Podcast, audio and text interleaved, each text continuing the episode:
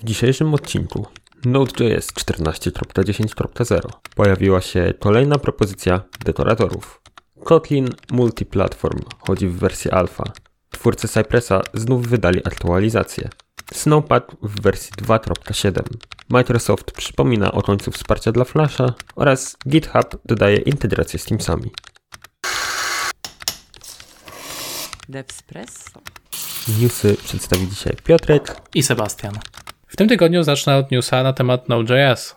Wyszła nowa wersja 14.10.0. Oczywiście nic dużego tutaj się nie dzieje. Wiele zmian jest w dokumentacji i kilka drobnych poprawek, przykład w paczce krypto. Ale myślę, że to jest dobre miejsce, żeby przypomnieć deweloperom, że od 27 października Node 14 przechodzi w status Active. Z kolei Node 12 na Maintenance, a w połowie przyszłego roku Node 10 traci wsparcie. Więc to jest dobry moment, żeby zacząć przepisywać aplikacje. Tak, trzeba o tym pamiętać, bo te zmiany będą bardzo, bardzo dotkliwe, przede wszystkim w cloudzie, bo to się nam pozmienia i część prowajderów cloudowych już wychodzi na przykład z dziesiątki. E, Myślę też, że będzie duży problem z dostępnością bibliotek w nowych wersjach, ponieważ już teraz e, dużo bibliotek nie, wspiera, nie wspierało Node 10, e, więc niedługo myślę, że stanie się tak samo i z 12. Tak, też mi się tak wydaje. Dobra, to teraz czas na kolejnego newsa i jest to propozycja do dekoratorów. Słyszałeś o dekoratorach, nie?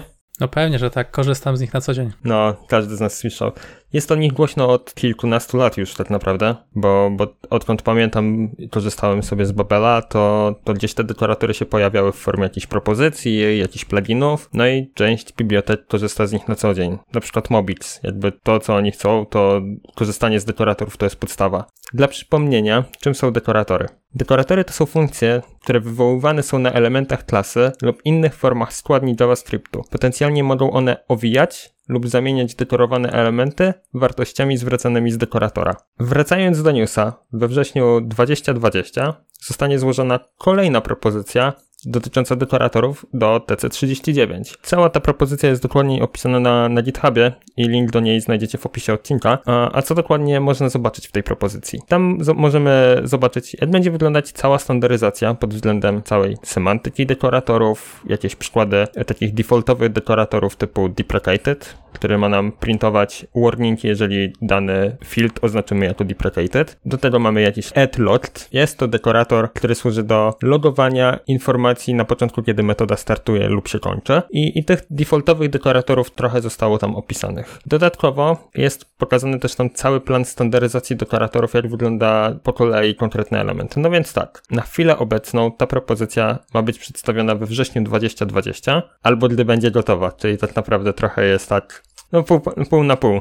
Nie przedstawią, może nie przedstawią, zobaczymy. Chcą iterować tą propozycję, w sensie ją zmieniać na podstawie open questions, które przyjdą z zewnątrz. I te open questions będą prezentowane TC39 i omawiane co dwa tygodnie. Jeżeli feedback będzie pozytywny, to mają napisać tekst specyfikacji oraz zaimplementować ją we wszystkich transpilerach. Kolejno, propozycja dla Stage 3 nie może powstać wcześniej niż 6 miesięcy po tym, aż prototyp zostanie rozpoczęty, tak by zabrać cały feedback od deweloperów, jak się z tych dekoratorów korzysta. Teraz pytanie, czy warto się w ogóle interesować dekoratorami, bo jakby to jest bardzo ciekawe, czy ta cała propozycja w ogóle wejdzie. No to oczywiście, że tak. Jednym z ciekawszych założeń tutaj tej konkretnej propozycji to jest to, by dekoratory były proste w użyciu, jak i w pisaniu. Więc trochę takie założenie jak hooki reaktowe. Nie wiem, co o tym myślisz? Ja jestem bardzo ciekawy, ponieważ e, jeśli już nie piszę funkcyjnie, bo tutaj warto podkreślić, że dekoratory wymagają konstruktora, więc e, już mi odpadają tak naprawdę komponenty funkcyjne, to staram się ich używać, ponieważ dla mnie ten kod jest czytelny, więc jak najbardziej obserwuję ten temat i trzymam kciuki dla twórców. No, ja także, ja także. Przechodzimy do kolejnego newsa, a dokładnie dla newsa fanów Kotlina, ponieważ e, Kotlin Multiplatform Mobile wchodzi na wersję alfa. Dla tych, co nie wiedzą, co to jest KMM, jest to SDK, które umożliwia współdzielenie logiki biznesowej zarówno w iOSie, jak i Androidzie. Piotrze, czy brzmi to znajomo z innych technologii? Oj, tak, React Native? Flutter? Dokładnie. Więc wersja alfa zawiera nowy plugin do Android Studio, który pozwala na dewelopowanie, odpalanie, testowanie i debugowanie współdzielonego kodu w tym samym IDE. JetBrain deklaruje, że Kotlin Multiplatform Mobile wykorzystuje już takie firmy jak VMware, Autodesk i Yandex. Ciekawe, czy rośnie nam nowy konkurent do obecnych rozwiązań, takich właśnie jak Flutter czy React Native. Oj, Kotlin i ten cały multiplatform to jest jakieś takie dziwne połączenie, że się tak wyrażę, e, do tego, że mają już jakiś swój język i próbują wejść w ten cały ruch, który dotyczy tworzenia rzeczy na multiplatformie. SwiftUI już to robi, tylko robi to tylko na urządzenia Apple'owe. E, robi to już właśnie Flutter, a dokładnie Google ze swoim Flutterem i Dartem. No i oczywiście React Native, który jest chyba najbardziej na chwilę obecną mhm. znany. Kiedyś mieliśmy jeszcze Ionika, parę różnych takich starszych technologii, ale tutaj JetBrains z Kotlinem próbuje nam chyba trochę wywrócić rynek. Mm. Próbuje, bo, bo nie powiem, że to zrobi. Też mi się tak wydaje, bo tutaj jest taka trochę luka, ponieważ już mamy bardzo dużo Javowców, Kotlinowców, którzy no, mogą nam trochę zrewolucjonizować ten rynek, jeśli ta technologia byłaby dobra, ponieważ nie byłoby już takiego oparcia na React developerów z e, React Native'em, tylko po prostu na Javowców. No, totalnie. Teraz coś ciekawego. Jak dobrze pamiętam, to ze dwa odcinki temu wspominałem o Cypressie, albo Julek o tym wspominał, że, że właśnie była wersja 5.0. No i mówię, wow, ale super, nie? No to nie minęły dwa tygodnie i mamy wersję 5.1.0 właśnie. Szybcy są.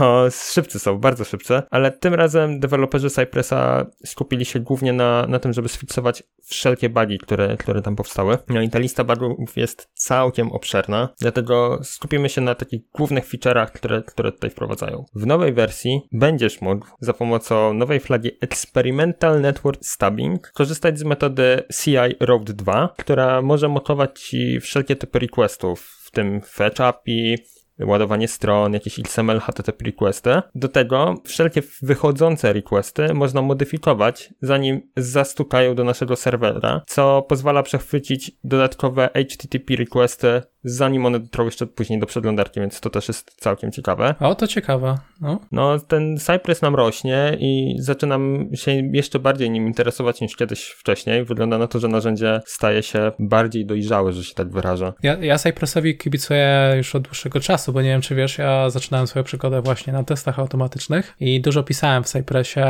Miałem też porównanie z innymi frameworkami do testowania i zdecydowanie Cypress był moim ulubionym, więc ja, ja trzymam trzymam za nich kciuki, ponieważ to jak się rozwijają, to jak rosną w tak krótkim tempie jest dla mnie niesamowite. No tak, to prawda. Ja też im bardzo kibicuję, bardzo bym chciał, żeby to trochę im pomogło. Przydałoby im się jakiś taki dodatkowy może marketing, może trochę pieniędzy, jakichś sponsorów. Microsoft mm. mówię do ciebie, bo ty tam lubisz kupować różne rzeczy. Przede wszystkim budowanie tej świadomości, bo teraz jak mówimy o testach, to pierwsze co się kojarzy ludziom to Selenium. Tak, Selenium. Mhm. Więc myślę, że pora to zmienić. Piotrze, nie wiem czy wiesz, autorzy Snowpacka wydali jakiś czas temu nową wersję 2.7. Tylko pytanie, czy ty wiesz, co to jest Snowpack? No właśnie, to jest rzecz, o której ja zupełnie jakby nie śledzę. Nie, nie słyszałem o niczym takim. E, Piotrze, Snowpack jest to po prostu lekki toolchain do web developmentu. Tradycyjne narzędzia do budowania JS-a, które wykorzystujemy, takie jak Webpack czy Parcel, potrzebują przebudować i rebundlować cały chunk za każdym razem, gdy zapisujemy pojedynczy plik. Snowpack z kolei serwuje nam aplikację niezbundlowaną podczas developmentu. To jest istotne, ponieważ e, każdy plik jest utworzony tylko raz i jest przechowany w pamięci podręcznej.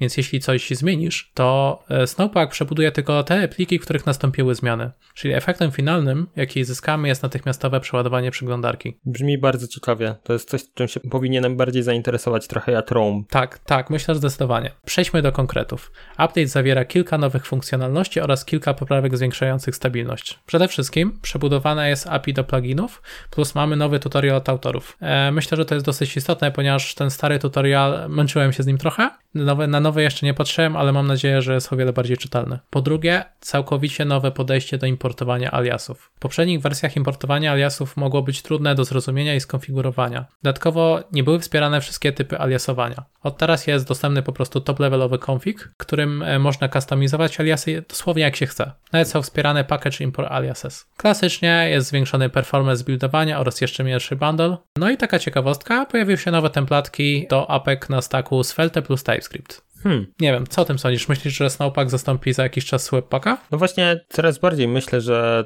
albo Snowpack, albo właśnie Rome od Google'a, albo parę innych tego typu toolchainów, które mają w sobie trochę więcej niż sam Webpack tak naprawdę, bo, bo to jest ta ważna informacja, że to jak działa widzę Snowpack, to on jasne jest takim trochę bundlerem, ale serwuje nam rzeczy szybciej niż, niż sam Webpack czy Parcel. Na przykład taki ROM tutaj mógłby jeszcze nam dołożyć cały ten, cały ten linting i, i całą tą resztę związaną z samym budowaniem później też produkcyjnej aplikacji, więc w ogóle to, te toolchainy tak bardzo nam się zmieniają, że za, myślę, spokojnie za 2-3 lata, to w ogóle nie będziemy myśleć o webpacku, tylko będziemy właśnie mówić o jakimś właśnie snowpacku, czy, czy też Roam. Tak, i przede wszystkim skrócimy czas setupowania nowej apki, co myślę, że to jest największa korzyść i dla nas, i dla klienta. To prawda. To prawda, ja, ja w ogóle jestem bardzo ciekawy, jak te narzędzia wpłyną jeszcze później, na przykład w samym cloudzie, bo mamy Code Spaces od Azura, które pozwalają nam na bardzo szybkie odpalenie sobie tej aplikacji w przeglądarce, odpalenie VS Code i pisanie już kodu, dokumitowanie czegoś. No i te toolchainy mogą jeszcze dodatkowo pozwolić nam na jeszcze szybsze wydeployowanie i zbudowanie sobie czegoś, nie? Nawet lokalnie na maszynie. No tutaj w ogóle mogą być, magia się zacznie dziać. Takie mam wrażenie. Tak, jestem bardzo ciekawy przyszłości.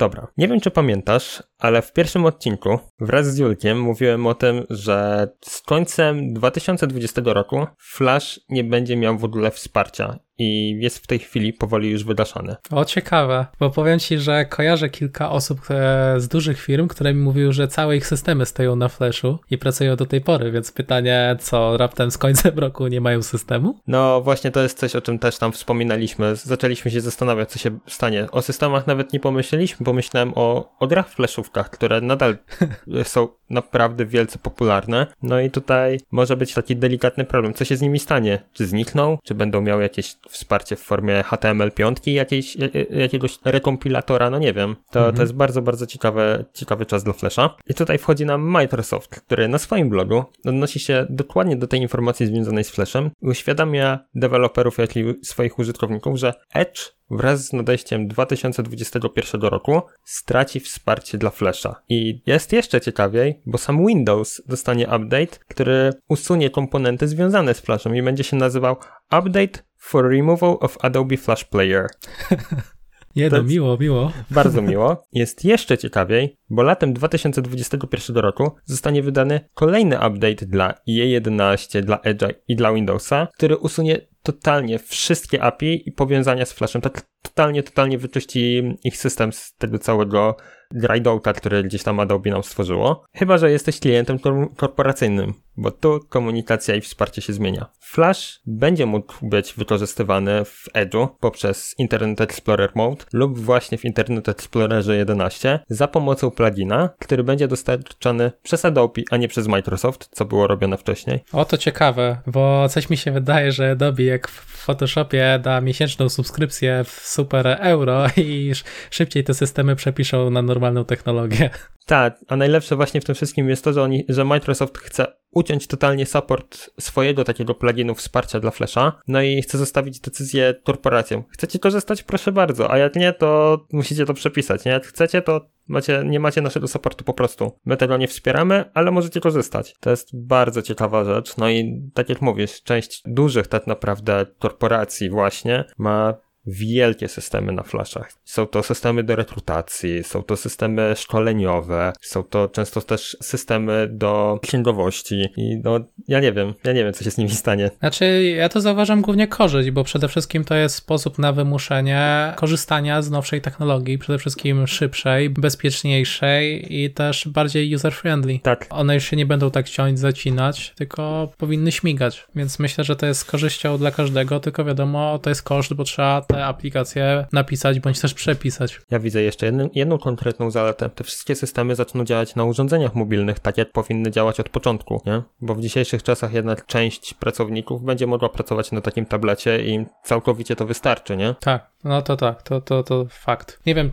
Piotrze, zauważyłeś, że właściwie od trzech odcinków ciągle wspominamy o GitHubie? No, a co tym razem się stało? Integracja GitHuba z Teamsami? O. Można było się tego spodziewać. Odkąd Microsoft kupił GitHuba, ciągle następują jakieś zmiany. Microsoft w sumie zauważył, że deweloperzy, którzy korzystają z GitHuba, korzystają również z e, innych platform, aby komunikować się w sprawie choćby pull requestów, deployów i innych update'ów. Z tego powodu właśnie gigant z Redmond rozszerzył swoje portfolio o integrację z Teamsami, które jest aktualnie w wersji beta. Dziwne, że dopiero po tak długim okresie czasu to założyli. Przecież integracja ze Slackiem działa już od lat. Tak, to jest bardzo ciekawe, tym bardziej, że Teamsy to jest też ich platforma. Jakby to już dawno powinno być, jakby kupili GitHuba, to była powinna być pierwsza rzecz, która zostanie zintegrowana. No to fakt. I chociaż ja próbowałem, przyznam szczerze, próbowałem dzisiaj e, skorzystać z tego preview, ale mi się nie udało. Wróćmy do sedna tematu. Z ciekawostek, aktualnie, żeby skorzystać z tej opcji, trzeba pobrać GitHub preview bezpośrednio z linka. Co możemy tam robić? Możemy wybierać, z których organizacji bądź repozytorium chcemy otrzymywać notyfikacje. Posty w Teamsach z aktywności na GitHubie wyświetlają metadane takie jak opis, przypisane osoby, recenzentów. Odpowiadając na post na Teamsach, możemy choćby stworzyć nowe issue, zamknąć lub otworzyć na nowo już istniejące, skomentować issue bądź pull requesta. No i dla mnie to, co jest ważne, teraz gdy wklejamy link do GitHuba, na kanale automatycznie wyświetli się nam więcej danych e, w podglądzie. To jest dla mnie ciekawe, bo teraz jak wysyłamy między sobą właśnie linki na Teamsach, to tylko widzę ID, pull requesta i tyle. A teraz będę chociaż wiedział, czego dotyczy. No będziesz pewnie widział tytuł, jakieś takie dodatkowe rzeczy, być może nie, nie widziałem dokładnie, ale wydaje mi się, że chyba tam jest jeszcze widoczność pod względem pliku, który dokładnie gdzieś tam jest podlinkowany, jeżeli jest to jeden plik oczywiście. Nawet sam ty, tytuł pull requesta będzie już dosyć dosyć pomocne, ale wiadomo, im więcej, tym lepiej. Tak, to, to prawda. Ja jestem bardzo ciekawy, jak to będzie działać, bo na razie, jak to wiadomo, preview Microsoftowe raz działa, raz nie działa, coś tam po drodze często e, tweakują, zmieniają i się okazuje, że tak naprawdę ich pierwotne założenie trochę się rozjechało. Tak, ja jestem ciekawy przede wszystkim, ponieważ e, z tego, co zauważyłem, korzystając z preview, trzeba być ownerem e, w projekcie. Często pracując w korporacjach, nie jesteśmy ownerami projektów, tylko adminami, ewentualnie deweloperami i zastanawiam się, czy rozwiążą e, jakoś ten problem, żeby po prostu mm, nie zawracać głowy supportowi w takich kwestiach. No, to może być bardzo, bardzo ciekawe. Dobra, myślę, że na ten tydzień to tyle newsów. Mam nadzieję, że będziemy mogli się jeszcze usłyszeć za tydzień, a na pewno ze mną się usłyszycie za tydzień. Do usłyszenia. Dzięki, do usłyszenia, pozdrawiam. Cześć.